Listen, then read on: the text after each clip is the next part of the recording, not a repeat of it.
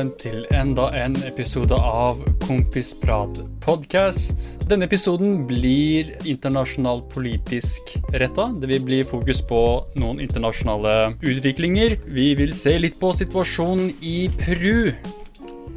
Dette er noe som jeg har skrevet litt om på hjemmesiden min med tanke på de protestene som foregikk i Peru i fjor.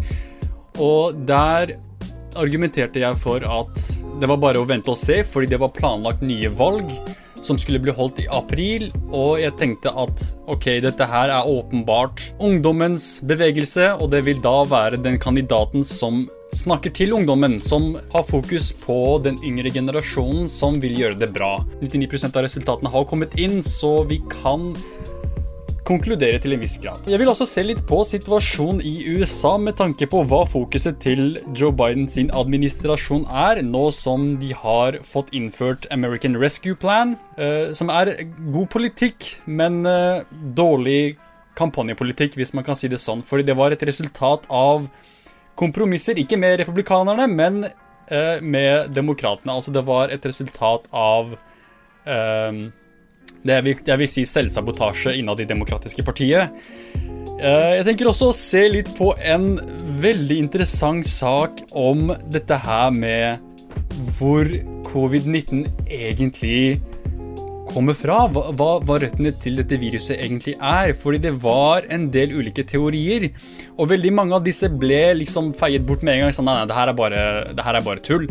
Men nå har det kommet ut en del rapporter, og det er en del folk som nå tenker hm, kanskje det ikke var så tullete som vi trodde, da, disse ulike teoriene. Disse nyhetssakene høres kanskje litt sånn, litt eh, sånn all over the place ut, men det er noen viktige poeng å grave fram i disse nyhetssakene som jeg tenker er veldig viktige. Og spesielt med tanke på denne Lablik-saken, så er det i forbindelse med hva fakta er. Hvordan kan vi vite at noe er sannhet, og hvem vi stoler på? Når det kommer til å avgjøre hva som er sannhet, og hva som er det, det, som blir kalt fake news eller konspirasjonsteorier eller løgn. La oss eh, bare hoppe rett i det og starte med denne saken her i USA med uh, Kamala Harris og Joe Biden-administrasjonen sin innvandringspolitikk. Så Kamala Harris var i Guatemala Guatemala, jeg vet, jeg vet ikke om man sier det, Guatemala, hvor hun holdt en tale for folket etter en samtale med landets statsleder. Og der sa hun noe, hun sa noe veldig interessant som jeg tenker det er veldig viktig å få med seg for å danne et inntrykk om administrasjonen til Joe Biden og hva slags politikk det er de ønsker for landet videre. Så la oss se hva det er eh, Kamala Harris sier her. I want to be clear to folks in this region who are thinking about making that dangerous trek to the United States-Mexico border. Do not come. Do not come. The United States will continue to enforce our laws and secure our border. There are legal methods by which migration can and should occur. But we, as one of our priorities, will discourage illegal migration. And I believe If you come to our border, you will be turned back. Ok, så det er veldig mye å takle her, for hun sa veldig mye, selv om det egentlig høres ut som hun sa én ting, og gjorde det veldig tydelig. Altså, ikke kom hit. Ikke kom til USA hvis du er fra Guatemala. Jeg kan være litt tullete og si hvordan er dette her forskjellig fra det Trump sa når han sa eh, Mexico sender oss ikke de beste, de sender oss eh, voldtektsmennene, de sender oss morderne. Sånn, det er jo det samme som Donald Trump sa. Sånn, ikke kom, basically. Hvis du graver i det Trump egentlig mente hva poenget hans var i det bullshitet han sa, så var det ikke kom hit. Folk fra Mexico, folk fra Latin-Amerika, ikke kom hit. Og det er det som er hovedbudskapet til Kamala Harris her. Ikke kom til USA. Men det er jo ikke bare det hun sier. Det i seg selv er veldig interessant og skaper et bilde av hva det er denne administrasjonen prøver å gå for. Men noe annet som var veldig interessant her, er hun sier det fins andre måter å gjøre dette her på. Hvis du vil emigrere til USA, så finnes det lovlige måter å gjøre dette her på, og tryggere måter å gjøre det her på. Så fokuset her er ikke gjør det på ulovlig vis, og ikke gjør det på en måte som kan være farlig, og dermed føre til utnyttelse. Og det som er interessant, er at hun, hun skaper dette bildet av at det å møte opp til amerikanske grenser og dermed da søke asyl, er en ikke lovlig metode. Etter min forståelse så er det jo sånn man søker asyl. Du, du møter opp og søker asyl. Det er veldig få som har ressursene og kapasiteten til å gå gjennom papirarbeidet, søke visa, søke om oppholdstillatelse og gjøre dette her på en måte som absolutt alle byråkrater ville foretrukket. Selvfølgelig, det er jo den beste måten å drive innvandring på, fordi det gjør det oversiktlig og strukturert og lett, og det er ryddig. Så det blir ikke noe eh, forvirring. Men mange av disse konfliktene i disse ulike landene i Latin-Amerika, altså korrupsjon, drap, utnyttelse av folket. Alle disse problematikkene som mange av disse folka flykter fra, stammer fra amerikansk ideologi og amerikansk politikk. Så mange av disse folka kommer fra land hvor man ikke har muligheten til å gjøre dette her på den måten som vi alle foretrekker, som vi alle mener er den riktige måten å gjøre det på. Altså Når man ikke har den muligheten, så hva, hva, gjør man da? Jo, da gjør du det på den måten som er det, det hun antakeligvis ser på som ulovlig, altså det å møte opp på grensene og søke asyl. Som en flyktning. Jeg, jeg tror ikke fokuset hennes, eller problem, problemet hennes er vi vil ikke ha innvandrere fra Latin-Amerika. Eller vi vil ikke ha folk som møter opp på grensene Nå er jeg veldig snill mot henne. At folk, som, at folk skal møte opp på grensene og søke asyl på den måten. Men heller at det kan være farlig for folk som tar denne, denne farlige reisen. Og, og det er sannsynlighet for at man blir utnyttet av coyotes, som hun nevner, altså folk som driver smugling, altså smuglere. Menneskesmuglere. Og absolutt, det er utnyttelse av flyktninger og, og, migranter. Men igjen, du må ta i betraktning det faktum at disse folka bor i land hvor tilstandene er såpass ille at dette er det de ser på som den riktige løsningen for dem. At for å kunne overleve for å kunne ha et tak over hodet, for å kunne gå ut i gata uten frykt for disse kriminelle gjengene som heier over hele Latin-Amerika, for å eh, Altså disse kartellene, disse eh, rusmiddelorganisasjonene da, som, som, har stor innflytelse over veldig mange aspekter av samfunnet i Latin-Amerika. Eh, nå overdriver jeg, sånn, det er ikke så, eh, sånn drastisk som jeg sier det er, men det er definitivt veldig mange som lider som et resultat av manglende stabilitet. Så for å, for å, få et bedre liv, for å kunne overleve, hvor man kan ha en viss grad av verdighet i sin væremåte Altså det å ha tak over hodet, det å ha ordentlige klær på seg som ikke er fillete og revet i stykker, og det, og det å ha tilgang til sanitære tilstander, det å ha tilgang til mat Ting som alle mennesker trenger for å kunne leve et liv som er til den, den, standarden som vi alle mener er riktige standarder for mennesker å leve, leve uh, med, da, så må de komme til USA. Så må de komme til et land hvor, det, hvor tilstandene er litt bedre, hvor det er en viss grad av sikkerhet. Og til det sier Kamala Harris og tydeligvis Joe Biden sin administrasjon nei. Vær der du er. Vær i landet ditt, ikke reis ut, ikke, ikke våg å, uh, utvandre til USA. Dette er et land av innvandrere, men ikke våg å komme til dette landet her. Ikke våg å gjøre dette, fordi du vil ikke bli godt tatt imot. Og med det mener jeg at du muligens vil bli separert fra dine barn. Dine barn vil, vil bli puttet i fengsler. Og det er ikke bare Trump som gjorde dette her. Disse institusjonene som man så bilder av, de ble jo grunnlagt av Barack Obama under hans ledelse. Så det var ikke slik at når eh, Trump var i regjering, at han bygget disse institusjonene. De var her allerede. Og det er det så å si eh, Kamala Harris da truer med, da, at hvis du kommer til USA på det hun påstår er ulovlig vis, så er det ikke veldig mye sympati å, å finne, da. Det er én ting. Det, dette er liksom det, det er det jeg legger i det Kamala Harris sier her egentlig. Men hun sier det selvfølgelig på en mer diplomatisk måte. Men det er det budskapet er. Ikke kom til USA. Ikke, ikke Hvis du er innvandrer, liksom, hvis, du, hvis, du, vil flykte til et land, dra, dra, et annet sted. Basically. Det er det hun sier. Uh, men hvorfor sier hun dette her? Og hva er strategien til Joe Biden? Jo, Joe Bidens strategi er veldig enkel, og det er noe som han har skrytet av tidligere. Og det er at han går til disse landene for å snakke med disse statslederne og høre med dem hva, hva det er de trenger for å få bedre tilstander i sitt land. Hva enn det er. Enten det er snakk om hjelp med, med, infrastrukturen, enten det er snakk om hjelp med tanke på helsetjenester, hva enn det er, så vil Joe Biden vil høre på hva det er de trenger, og så prøve å hjelpe de som kanskje er litt Frp-isk, hjelpe de der istedenfor å hjelpe de i USA. Altså når du kommer til USA, hjelpe de der. Han vil heller hjelpe de mens de fortsatt er der, for å forhindre at folk flykter i det hele tatt. Og selvfølgelig den beste måten å gjøre det på, en av de beste tingene man kan gjøre, er å stanse denne krigen mot rusmidler. Men det vil ikke skje. Det er veldig usannsynlig. Og uh, Så det i seg selv tyder egentlig på et litt sånn uh, paradoksalt syn på det å ønske å hjelpe Latin-Amerika. Sånn, du vil hjelpe dem, men, du egentlig, du, men, den politikken du innfører, gjør egentlig ikke det.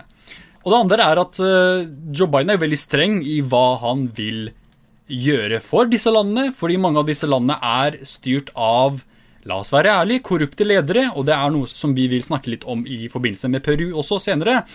Men det er sant, det er veldig mye korrupsjon i disse landene her, og Joe Biden er jo klar over dette her. Alle er jo klar over det, til en viss grad. Så man er da forsiktig med hvor mye ressurser man sender til disse landene. Hjelpen blir egentlig litt sånn eller hele dette perspektivet om å hjelpe de der istedenfor å hjelpe de her selv, det blir litt sånn det, det, er ikke et genuint ønske om å faktisk hjelpe de der de er. Det er bare noe man sier for å skape dette inntrykket av at hei, folkens, vi vil sørge for at landet deres er godt nok. Fordi det er jo, det er jo sant at folk vil ikke flykte fra der de bor. Du tar den, denne farlige reisen. Du har ikke de ressursene til å ta en komfortabel flyreise, eller en komfortabel reise generelt. Men det blir en veldig farlig reise. Altså, du, du, risikerer alt det her. Og det er veldig mange som ikke forstår seg på dette her. De, de anser det som å være lykkejeger. At du kun er ute etter lykken. Som om dette er 1800-tallet, hvor du skal gå og grave etter gull. Det er, ikke, det er, ikke, mye gull å finne når man er innvandrer i 2021. Problemet mitt med Kamala Harris sitt utsagn her er først og fremst at det er disse folka hun snakker til. Fordi guatemalske folka de, de, kommer ikke til å høre på dette her. Ikke kom hit. Å, ok, greit. Ok, Kamala Harris, visepresident, sa ikke du dra til USA. Greit. Altså, nei, de kommer ikke til å høre på dette her. Demokratene kommer ikke til å like dette her. Progressive folk kommer til å se på dette her og si hva er det du gjør? Hun fremmedgjør folk i det demokratiske partiet ved å si disse tingene her. På den andre siden, høyrefolk. Kommer de til å se på dette her og si Ah, det er det vi ville ha, selvfølgelig. Tusen takk. Nå, nå liker vi Kamala Harris. Nå, nå, liker vi Joe Biden, fordi han er også streng med sin innvandringspolitikk, så nå, nå er vi på hans side. Tror du, tror du virkelig det er sånn det fungerer, at disse folka kommer nå til å stemme på Joe Biden fordi Joe Biden er streng i sin innvandringspolitikk? Nei. De kommer fortsatt til å stemme på republikanere, for republikanere kommer alltid til å være strengere enn demokrater når det kommer til innvandringspolitikk. Og selv om de ikke er det, selv om det egentlig er veldig mye likhet, egentlig, så er republikanerne mye flinkere i sin retorikk og i sin evne til å overbevise folk om at de er strengere på innvandringspolitikken, når i, i virkeligheten så er de veldig lik det demokratiske partiet. Og jeg, jeg, jeg, er klar over at det er visse folk der ute som vil si Hivar, du vet ikke hva du snakker om. Hvordan kan du si det? Demokratene er selvfølgelig bedre enn republikanere. Jeg kan ikke tro at du sa det. Ja! Jeg, jeg, sa det selv. Demokratene er bedre enn republikanerne, men ikke så mye. Og hva var det Kamala Harris nettopp sa? Ikke kom. Hun vil ikke ha innvandrere til USA. Hun vil ikke at folk skal, hun vil ikke at folk skal ta den metoden som folk tar mest. Den mest brukte metoden, altså det å møte opp på grensa og søke asyl. Hun vil ikke at folk skal bruke den metoden. Hun vil at folk skal ta den der byråkratiske, riktige måten hvor man fyller inn papirarbeidet og sender det i posten og venter et par måneder på å få svar fra disse byråkratene i USA for å få riktige papirer, for å så da ta reisen på et komfortabelt fly. Mm, endelig vi er i USA, alt er klart, vi gjorde det riktig. Det er, ikke, det, det er urealistisk, det er ikke sånn verden fungerer. Verden er i fyr og flammer, folk flykter. Det er ikke som om disse folka her har den friheten til å gjøre dette her på den måten som er foretrukket. Selvfølgelig, det hadde vært kjempefint Absolutt, det mener jeg også. Det hadde vært den beste måten å gjøre dette her på, fordi det er strukturert og ryddig. Men det er ikke slik verden er. Verden er rotete, kaotisk, så folk kommer til å bruke disse metodene her. Så til syvende og sist, hvem er det eh, Kamala Harris egentlig snakker til her? Etter min mening, ikke til de guttomalske flyktningene som mest sannsynlig kommer til å flykte uansett. Ikke til demokratene som vil se på dette her og si jøss, yes, Kamala Harris er mye tøffere enn jeg trodde. Hun prøver å snakke til republikanske velgere ved å overbevise dem om at eh, de også er tøffe de, er ikke noen sånn svake hippier som uh, er for åpne grenser. Nei, nei, nei, Kamala Harris og Joe Biden er tøffinger. Vi liker ikke uh, rotete innvandring. Vi vil ha det strukturert og ryddig. Vi vil ha det lovlig. Altså, det, det å bruke det ordet sånn legal, sånn, å, å gjøre dette her lovlig, det syns jeg er litt uh, first world-sentrisk av de to at folk har den muligheten til å gjøre dette her på lovlig vis. Sånn, Si det til alle de som flykter over Middelhavet. Sånn, å, dere folkens, i båtene, reis tilbake til Libya. Du, gå der og fyll inn papirarbeidet før du kommer hit. Sånn, det er ikke sånn det fungerer. Sorry, men det er ikke sånn det fungerer. Uh, så ja, til syvende og sist, det er de folka som jeg, jeg, jeg tror Kamala Harris prøver å snakke til her. Og er det effektivt? Igjen nei. Konservative folk kommer fortsatt til å gå for de som faktisk er flinkere i sin retorikk, og det er republikanerne. De er synonyme med innvandrerfiendtlighet. De er synonyme med streng innvandringspolitikk. De vil ha en mur mellom USA og Mexico. Så du kommer aldri til å overbevise folk om at du er strengere eller like streng som republikanerne eller like tøff. Du kommer aldri til å overbevise dem om det, så hvorfor fremme politikk som egentlig er til ingens fordel. Så hvem er det som tjener på denne politikken her? Og denne, ikke nødvendigvis politikken engang, for det er ikke som om de har satt noen begrensninger på innvandringen uh, på noen som helst måte, men retorikken. Hvem er det som tjener på denne retorikken? Jeg mener dette her er katastrofalt på så mange måter, og at det her kun skader demokratenes sjanser i 2022 når det kommer til valg for representantene hus. Dette kommer til å påvirke de, og jeg tror også det kommer til å bli katastrofalt for 2024. Det er dette som er politikken til Joe Biden, og jeg, jeg var ikke en av de som tenkte å det, det, Joe Biden gjorde med American Rescue Plan er så bra at uh, innvandringspolitikken som da skulle være fokuset hans, kommer til, også til å bli kjempebra. Ikke det hele tatt. Det er ingenting i hans bakgrunn som politiker som tyder til at han kommer til å være veldig flink med innvandringspolitikken. Så La meg ta en kort pause her fordi jeg svetter som en gris. Så kommer jeg tilbake for å snakke om det som har skjedd i Peru.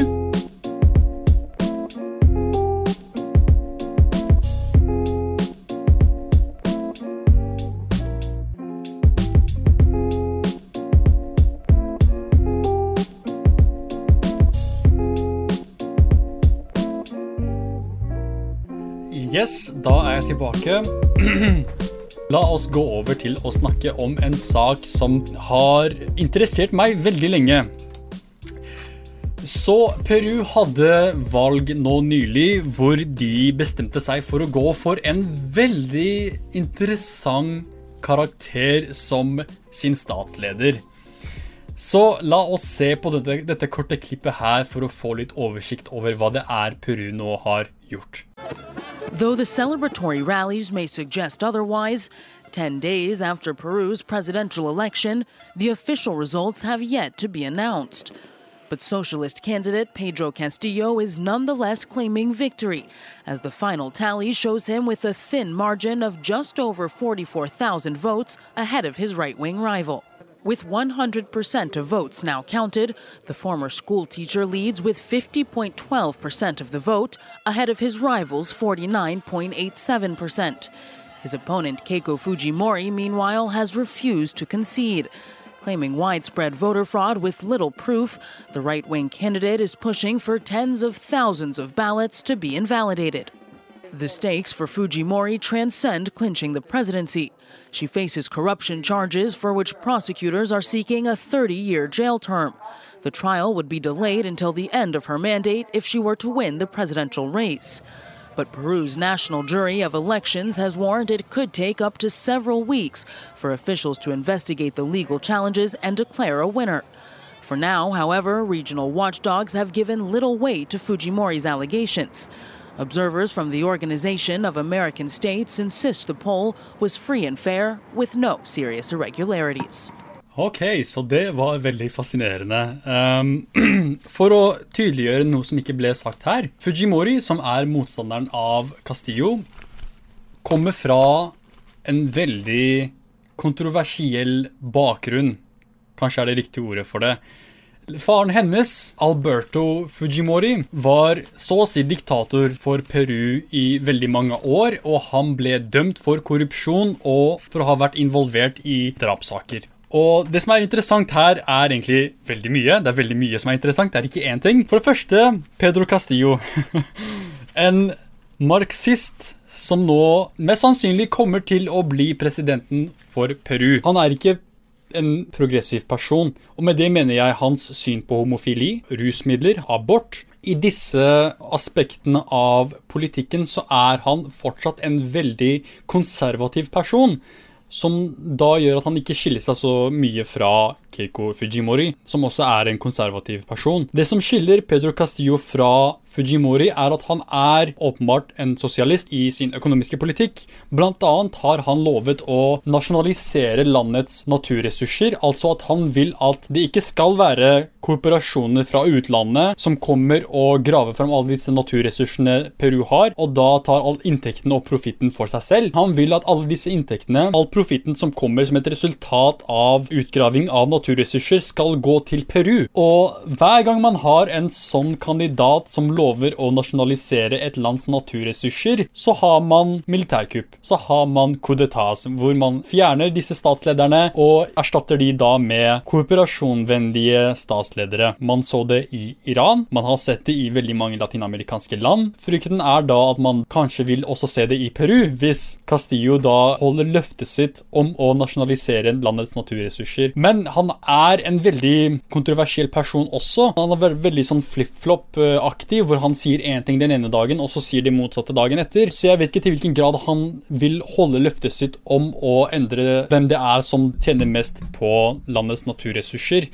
Men det er åpenbart at fokuset vil være å fremme landets fattige befolkning. Han vil gjøre det bedre for de fattigste i landet. Og en stor andel av de folka som stemte for han, basert på de tallene vi har tilgjengelig, er folk som kommer fra de rurale områdene i landet. Folk som kanskje ikke er de mest utdannede. Men med tanke på økonomisk politikk så er han en, en, en veldig progressiv person som er veldig annerledes fra de statslederne man har hatt i Peru tidligere. Fujimori, som er nå anklaget for grov korrupsjon, er ikke den eneste statslederen i Peru som har blitt anklaget for korrupsjon. Det er ikke bare faren hennes Alberto Fujimori, som også har blitt anklaget for korrupsjon og dømt for korrupsjon. Men det er også tidligere president som hadde en veldig interessant idé om å endre landets uh, politikk. Og han ville gjøre det veldig vanskelig for fremtidige ledere å være korrupte. Så han hadde det som fokus, å fjerne korrupsjon i landet. Han var veldig streng på at han ville ha en reform og gjøre ledelsen til landet mer representativ for folket. Han ble selv anklaget for korrupsjon, og disse anklagelsene har har etter hans mening ikke noe legitimt grunnlag. Det er ikke noe bevis for at han faktisk har begått korrupsjon. Det er anklagelser, men de anklagelsene var nok for at kongressen til landet krevde at han skulle fjernes som president. Han ble til slutt det. Han ble fjernet som president, selv om han var veldig populær. Etter at han innførte disse endringene for landets politiske struktur, så ble han veldig populær. Men likevel klarte makthaverne å fjerne han fra ledelsen. Han ble i hvert fall erstattet med en annen midlertidig president. Og det gjorde at veldig mange folk kom ut i gatene og protesterte dette her. Og det igjen førte til at den midlertidige presidenten ble erstattet med en annen president. Så bare i løpet av et par måneder så ble, eller et par uker, så hadde Peru tre ulike presidenter. Og det som er interessant, er at Viscara selv, han selv, var en erstatning for en annen president som også var anklaget for korrupsjon. De har lenge hatt et veldig alvorlig problem med korrupsjon. Og det at nå Fujimori som også er anklaget for korrupsjon. Og ikke bare det, men grov korrupsjon. Ikke i nærheten av det Viskara ble anklaget for. Og hva er, det, hva er det hun sier? Hun sier at dette er valgjuks.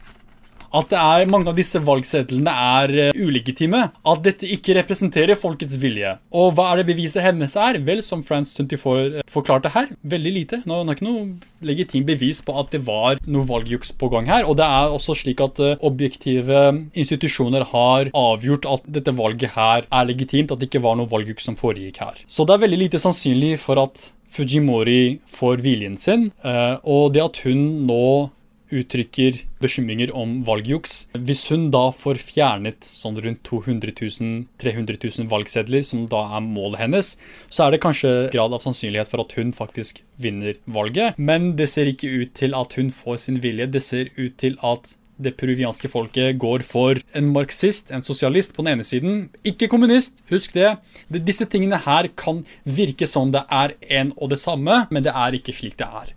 Han er en marxist, han er en sosialist, men han er ikke en kommunist. Og det er han veldig tydelig om. Og det i seg selv forvirrer veldig mange, og jeg tenker det kanskje er egentlig et veldig smart retorisk forsøk på hans side da, å fremstille seg selv som en antikommunist, samtidig som han er en marxist og en sosialist. Uh, selv om han også er veldig konservativ på de sosiale aspektene. Men her er det noe som eh, jeg tenker veldig mange progressive folk må stoppe å tenke om. De må tenke på prioritetene våre. Hva er prioritetene?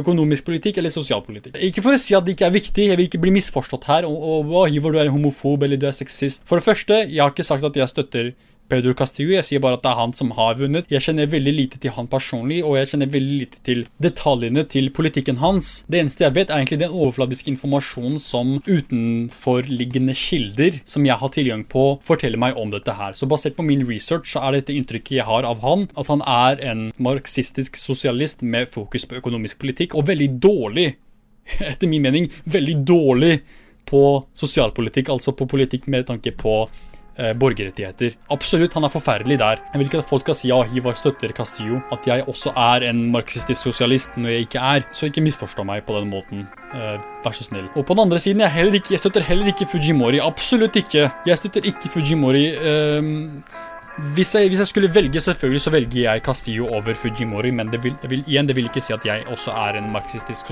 sosialist med svært dårlige holdninger eh, med tanke på borgerrettigheter.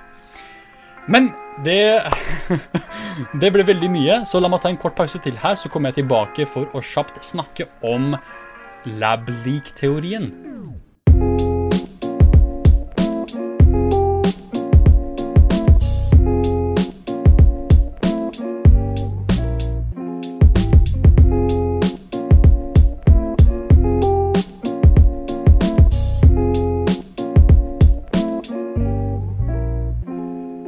Da er jeg tilbake, og nå går vi over til å snakke om noe som jeg muligens vil bli cancelled for, og det er fordi dette er en sak som egentlig har vært dømt som en konspirasjonsteori tidligere, men som nå blir diskutert på en måte som tyder på at den kanskje er litt legitim. Og det er denne lab-leak-teorien. Så når korona først startet, som var i desember 2019, så var det rykter om at dette mest sannsynlig stammet fra et åpent kjøttmarked hvor det var en haug av eksotiske dyr som ble solgt som mat. Og disse tilstandene hvor man hadde ulike dyr oppå hverandre. Og denne graden av tetthet av ulike eksotiske arter da førte til at covid-19 da startet med flaggermus, som gikk da over til beltedyr, som ble igjen videreførte smitten til mennesket. At det ikke var nødvendigvis mennesker som spiste flaggermus som førte til covid-19, men at det var noen som kom i kontakt med et beltedyr som hadde blitt smittet av eh, flaggermus, som da igjen var resultatet av covid. Med en gang denne teorien ble nevnt, så var den akseptert som den offisielle forklaringen på covid. Man sa ikke med 100% tydelighet om at dette er årsaken, men det var så å si den aksepterte eh, forklaringen som veldig mange forskere, veldig mange mediefolk, jeg vil si så å si alle av autoritetsfigurer gikk for denne forklaringen, at det var folk som spiste eksotiske dyr som er ansvarlig for spredningen av covid. Men nå har det kommet en rapport som er veldig interessant. Dette er Wall Street Journal som skriver om dette her, og det er at i Wuhan, som er dette stedet hvor man mener covid først startet, så har man et laboratorium hvor man forsker på covid-virus. Og det i seg selv er liksom veldig sånn, hæ, det er interessant. De studerte covid i Wuhad Institute of Virology. Og covid-19 startet i Wuhan. Det i seg selv er en veldig interessant ja, hva kan man kalle det, en, en tilfeldighet. At uh, i Wuhan så forsker man på covid-viruser, og i Wuhan er det også der covid-19 startet. Men det var veldig mange som, når man, når man først snakket om dette muligens var årsaken for covid-19, så ble man med en gang stemplet som en konspirasjonsteoretisk gal person, nettopp fordi de som fremmet denne teorien, ofte var høyreekstreme folk. Altså Donald Trump. Altså, jeg tror det var Tom Cotton, som er en amerikansk representant som også er veldig konservativ. Så, så, så å si fæle folk, da, sånn motbydelige folk som er kjent for å lyve og for å spre falske nyheter og for å snakke ut av sin bakdel, fordi disse folka ofte sprer konspirasjonsteorier. Så tenkte man ok, da må denne teorien om at covid-19 muligens er et resultat av en lekkasje i et laboratorium, at det må da være en illegitim forklaring på covid-19, og at heller eksotiske dyr er årsaken for at man har covid-19. Men som Wall Street Journal og veldig mange andre medier som også nektet for at dette her hadde noen grad av sannhet i seg, veldig tydelig om at dette her var en konspirasjonsteori, har nå rapportert at i Wuhan i november, altså før man så den første saken i desember, som ble offentlig, den første saken av en person som ble innlagt som et resultat av covid-symptomer. Men at allerede i november så hadde man et par forskere fra dette laboratoriet som ble innlagt i sykehuset for covid-lignende symptomer. Og det i seg selv, det, dette faktumet at forskere fra dette laboratoriet var covid-smittet lenge før vanlige folk var smitta av covid. Det i seg selv har skapt en grad av legitimitet og undring rundt dette her med kanskje dette lab-leak-teorien Kanskje det ikke er en konspirasjonsteori. Kanskje den har viss sannhet i seg. Kanskje den ikke er løgn som den ble ansett som, da. For allerede tidlig i denne covid-perioden så var det veldig mange forskere som Ikke veldig mange, men det var noen forskere som kom ut og sa at dette her denne lab-leak-teorien har en viss grad av legitimitet i seg, og at man ikke bør avvise den så lett. Og de folka ble også ansett som konspirasjonsteoretikere og gale folk. Og her har jeg en kort video som forklarer nettopp dette her, denne, denne situasjonen. Question is going forward, what that uh, Lancet statement was organized by Peter Daszak, the president of Echo Health, that funneled the money NIH to the lab, and he didn't want the gain of fun function narrative getting legs. Yeah, so there's a lot there. Uh, certainly, uh, many people, or the small number of people actually, who are raising this issue in early last year were labeled conspiracy theorists. Right. I know because I was one of them. And yes, there were some people um, who were called right wing nuts, but I'm not a right wing nut. I'm actually a progressive right. Democrat. Uh, and so for me, the question isn't um, is this a right wing or left wing thing? It's just let's look at the data exactly. and just and and just be honest. And you're absolutely absolutely right. That Lancet letter published in February of, of, last year was an outrage because without sufficient data, uh, the, the authors of that letter declared that it's all it's very, very likely a natural origin mm-hmm. and called anybody like me who was raising uh, possible uh, alternatives a, uh, a, conspiracy theorist. And, and one of the reasons why I've called for Richard Horton, the editor in chief of the Lancet, uh, to step down is because I feel that letter, it was not data driven science, it was scientific propaganda and thuggery. And Peter Daszak, you correctly point out, um, manipulated that process behind the scenes, hiding the fact that a number of the signatories were on his uh, his payroll and in, in, many other ways. So that's why right. we need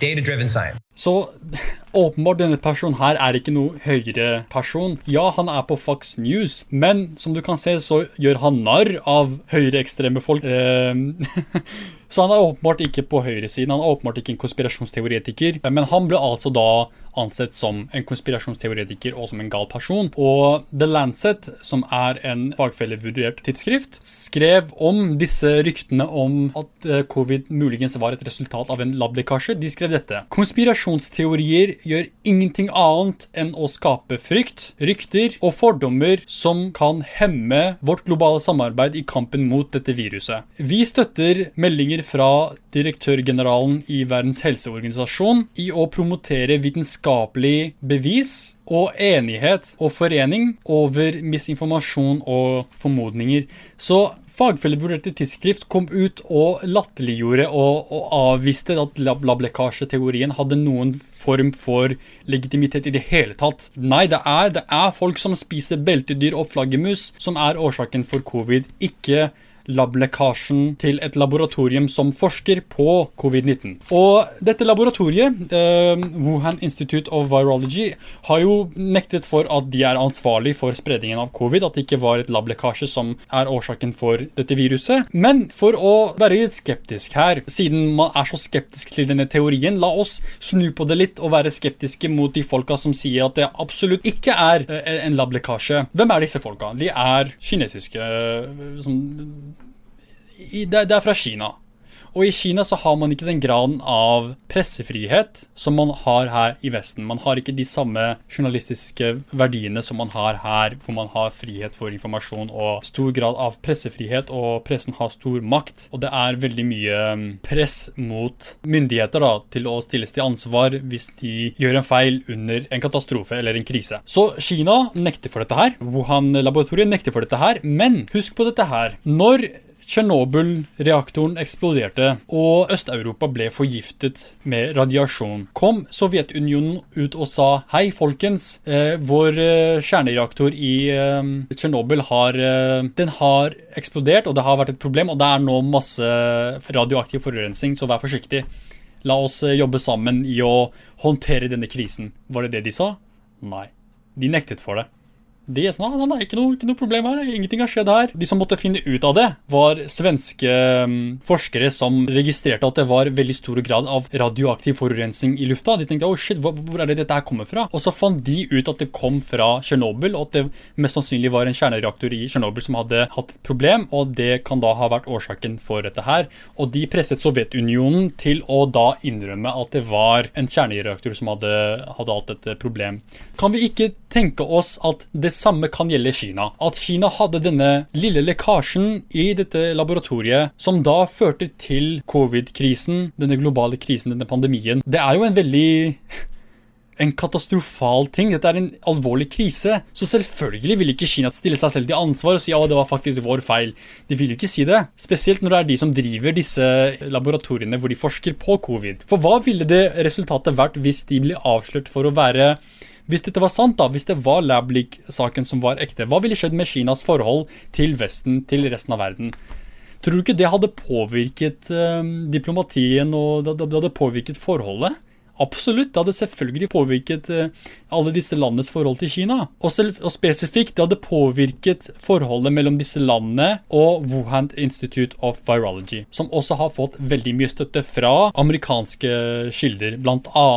Dr. Fauci, som var en av de ledende legene i USA, som ble ansett som en ekspert på covid når denne eh, krisen først startet, og kom med egentlig veldig mye dum informasjon om hvordan man skal holde seg sunn og, og trygg under covid-pandemien. Og eh, i, en, i, stor grad, jeg vil påstå, en uærlig aktør. Han er også med i å støtte uh, Wuhan Institute of Virology med flere hundre tusen dollar. Uh, hans forskning, hans kollaborasjon med laboratoriet, ville da ha puttet han i et veldig dårlig lys. Så jeg kan tenke meg at han også, som også var en av de som nektet for denne konspira konspirasjonsteorien, Eh, så jeg tenker meg at det, kunne ha påvirket hans karriere også, så selvfølgelig vil han også nekte for at denne lab-lekkasjeteorien har noen som helst form for legitimitet i seg. Og Kina vil absolutt også nekte for dette her. Men ja, jeg, jeg vil bare tydeliggjøre om at det er rapporter som nå blir utført, og det er mm, Biden-administrasjonen vil også se nærmere på dette her, og se til hvilken grad dette kan være sannsynlig. Og etter min mening, objektivt, jeg vil ikke si det ene eller det andre, men hva gir mest mening? At denne covid-pandemien er et resultat av en lekkasje, en menneskefeil? en sånn feil som vi alle mennesker kan ha gjort, kan gjøre at bare liksom en liten feil ved at uh, viruset kom seg ut av laboratoriet ved en uhell, uh, at det da førte til denne pandemien i Wuhan, fremfor det at folk spiser uh, rare dyr, og at det skapte dette viruset. Noe som har foregått veldig lenge. Sånn, denne kulturen av å spise disse eksotiske dyrene er ikke noe som startet i går. Det er noe som har foregått veldig lenge, så det er litt overraskende at en slik global pandemi ikke skjedde tidligere. Og med tidligere mener jeg ikke at Hvorfor skjedde det ikke det her på 1800-tallet eh, eller 1960? Hvorfor skjedde ikke det her i 2011? I 2012, 13, 14, 15, 16, 17, 18, 19? Det skjedde i 19. Men hvorfor skjedde ikke denne pandemien i alle disse årene man har hatt globalisering? Globalisering startet ikke i går. Globalisering startet for mange tiår siden. Så dette, dette er noe som alltid har eksistert i større grad enn den kulturen man har Nei, ikke til like stor grad som man har den kulturen hvor man spiser eksotiske dyr. Man spiser eksotiske dyr overalt i verden.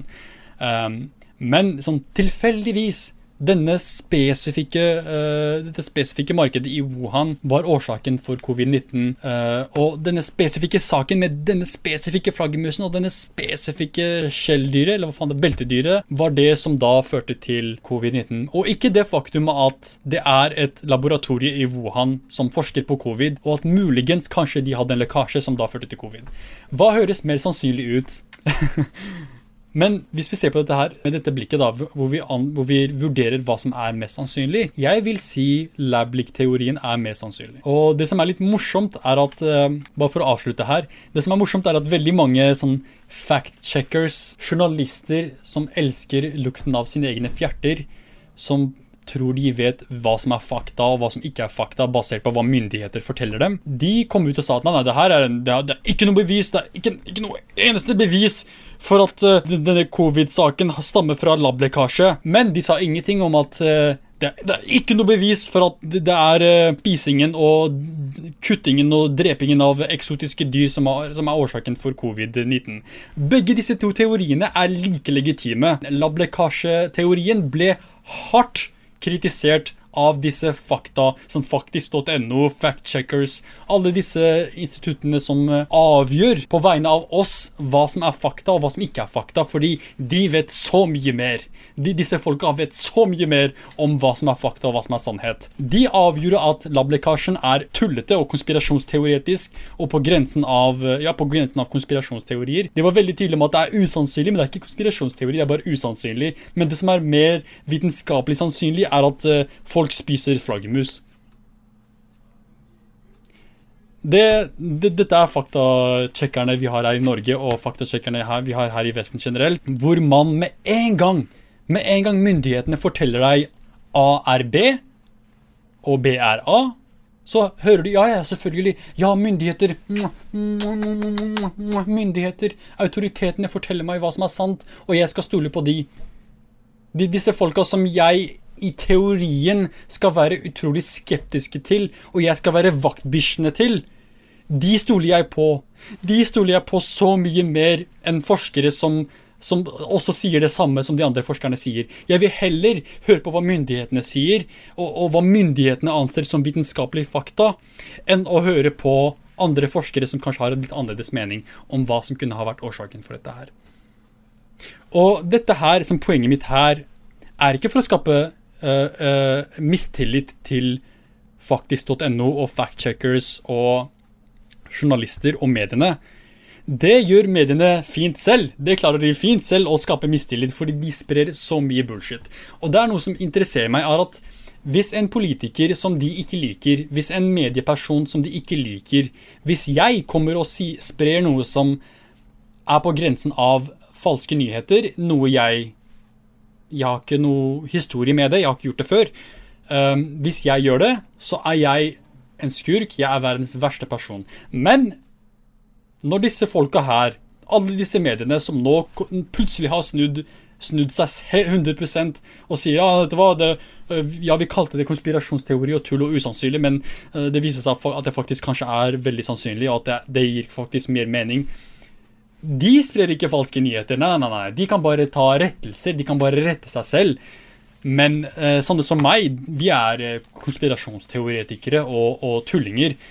Sånn, Jeg er veldig skeptisk til, til alle disse fact-sjekkerne, fordi det er folk. Dette er mennesker, og mennesker gjør feil. Det er det kanskje vi kan eh, oppsummere hele denne podkasten om, eh, eller rundt, da, at mennesker kan gjøre feil, og at det er at man bør være skeptisk til egentlig alt man ser, at man bør ha, et sunt blikk på hva som er fakta, og hva som ikke er fakta, og hva som er konspirasjonsteorier, og hva som ikke er det.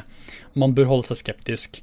Og selv til disse faktasjekkerne, disse, disse journalistene som påstår at de vet mer om hva som er sannhet enn deg, fordi de, har, fordi de, de blir betalt for det. Fordi de får, de får penger til å uh, utføre research, til å anse hva som er fakta og hva som ikke er det. Og jeg har sett på mange av disse rapportene. Det er ikke imponerende. Hvem som helst kan gjøre den samme researchen disse journalistene og disse fact-checkerne gjør. Og hvem som helst kan også gjøre en bedre jobb, etter min mening. Det er, så, det er, ikke så, mye som skiller de, og det er ikke noe som gjør de til autoritetsfigurer i hva som er fakta, og hva som ikke er det. Hvis du skal dreie alt rundt om hva som er eh, fakta, basert på hva forskning sier, så gjør du en katastrofal feil. Fordi greia med forskning, og det som jeg elsker med forskning og vitenskap, er at vi gjennom vitenskap, gjennom forskning, så danner vi en forklaring rundt et fenomen. Og vi sier Basert på hva vi vet, så er det dette som er den mest sannsynlige forklaringen. Så noe som ofte skjer, det kommer en ny forklaring med ny fakta, nye bevis, ny forskning, ny, sånn, som, som, gjennom vitenskapelige metoder avkrefter den forrige teorien om hva som var forklaringen på fenomenet, og denne nye, denne nye forklaringen da erstatter den forklaringen, og vi har da en ny forståelse over, over hva som er fakta. Og hva, hva, sier disse da, disse faktasjekkerne og disse journalistene som påstår de, de vet hva som er sannhet og hva som, er, uh, hva som, ikke er sannhet? De har jo kommet ut og sagt at dette her var fakta, men dette er ikke fakta, selv om vi har ny forskning som er i strid mot den gamle forklaringen. Du kan ikke basere deg selv 100 på vitenskap når det kommer til hva som er sannhet og hva som ikke er sannhet, fordi det er en av prinsippene i vitenskap er at ny forskning, nye bevis, kan motbevise gammel, utdatert vitenskap og forskning. Og hva er det andre de kan basere sin forståelse av sannhet på? Autoritetsfigurer, myndighetene, hva staten, hva politiet, hva de forteller deg. Og disse folka her, de er ikke nødvendigvis alltid objektive folk. Dette er folk med maktposisjoner som vil gjerne holde på makten sin, som vil ha den graden av innflytelse de har, og de vil beholde det. Uh, og det må man ta i betraktning også. At det, finnes disse folk der ute som har egeninteresser, og de vil fremme sine interesser mer så enn interessene til uh, fellesskapet og hva som faktisk er sannhet. Så hva er den bedre måten å avgjøre hva som er sannhet på, og hva som er falskheter? Det fins måter å gjøre dette her på. Det fins måter å gjøre dette her på med en etisk måte, men måten det blir gjort i dag, jeg tror ikke det er en øh, feilfri metode. Og jeg tror ikke kildene som blir brukt av disse folka, av disse journalistene, av disse researcherne, er feilfrie. Um, det er mye, mye feil i, i research, og um, en ting man kan gjøre, er å være transparent om disse feilene. Og, og være tydelig om at ja, vi er faktasjekkere, men vi er ikke 100% klare over hva som er sannhet og hva som ikke er det. Vi vil ikke skape det inntrykk av at de vet 100% Vi vil tydeliggjøre om at det er dette vi, det vi vet basert på den faktaen og basert på den informasjonen og de bevisene vi har her og nå. Altså vær tydelig om hva du vet og hva du ikke vet. Jeg syns man skal være mer åpen om at man kan gjøre feil, om at man bør være åpen for å endre meningen sin. Så i stor grad, etter, etter min mening, så burde ikke sånn faktisk.no eksistere. Sånn, hele grunnen til at de oppsto, var pga. frykten rundt falske nyheter på Facebook og sosiale medier. Så, så oppsto slike institusjoner. Men i det større bildet, når vi snakker om journalistikk, og vi snakker om det å fremme opplysning og, og, og spre informasjon, så er slike institusjoner en trussel for journalistikken, vil jeg påstå at folk som er ikke valgt av noen, som, noen demokratiske prosesser, skal avgjøre hva som er sannhet og hva som ikke er sannhet, og dermed da eh, avgjøre hvem som er legitime og illegitime aktører i denne prosessen hvor vi sprer informasjon. Det i seg selv tenker jeg er den største trusselen for eh, journalistikk og for opplysning, mer så enn falske nyheter. Fordi falske nyheter er man, man, Det fins metoder for å, eh, for å forstå hva som er falske nyheter. Uh, og det fins veldig mange som kjemper mot falske nyheter, bl.a. Kompisprat. Uh, men det fins veldig få som er med på å observere de som skal observere. De kan egentlig gjøre hva de vil og si hva de vil uten å få noen som helst form for kritikk mot seg. Det er det jeg mener med at det er en stor trussel, fordi det er ingen som holder øye med de. Men det er veldig mange som holder øye med falske nyheter, og det er veldig mange som holder øye med disse uh, uærlige aktørene som Donald Trump, som Tom Cotton, som spredde lab-lik-teorien som en konspirasjonsteori. Og jeg mener deres teori er en konspirasjonsteori, fordi de baserte ikke sin informasjon på uh, rapportene de så fra Kina de baserte det på Kina, det var Kina sin feil. Så, så det er forskjellig. Måten Trump gjorde det på, og måten forskerne gjorde det på, var forskjellig. Forskerne baserte sine holdninger på forskning og vitenskap og bevis og skepsis, mens Trump baserte det på hat og fremmedhat. Så det er forskjellig. selvfølgelig, Man skal, man skal ta det i betraktning også. Bare fordi Trump hadde rett om at det kanskje var Lablik-teorien som var mest sannsynlig, betyr det ikke at Trump er en ærlig aktør, at, eller at han kom fram til det, den konklusjonen basert på forskning og basert på research. Absolutt ikke. Så dette blir en veldig lang podkast. Men jeg håper ikke det blir altfor slitsomt, og jeg håper ikke jeg var altfor slitsom å høre på heller. Jeg vet jeg kan bli veldig lidenskapelig når det kommer til dette her, og det er stort sett fordi jeg, Dette det, er noe jeg, jeg, har lidenskap for, så beklager hvis jeg kan bli litt for emosjonell. Men det, det er det kompisprat er. Her skjuler vi ikke hva vi egentlig føler. Men da blir det en uh, postgame-show for de av dere som er Patrion-følgere, så det er, uh, det er bare å klikke seg videre, så kan du høre meg snakke om en veldig interessant sak. Så hvis du vil følge med på postgamet, hvis du vil få med deg bonusmateriale, gå på Patrion, betal 25 kroner. Det er ingenting kom an, sånn 25 kroner, du kan betale en bolle for 25 kroner. Men i hvert fall, takk for at du hørte på.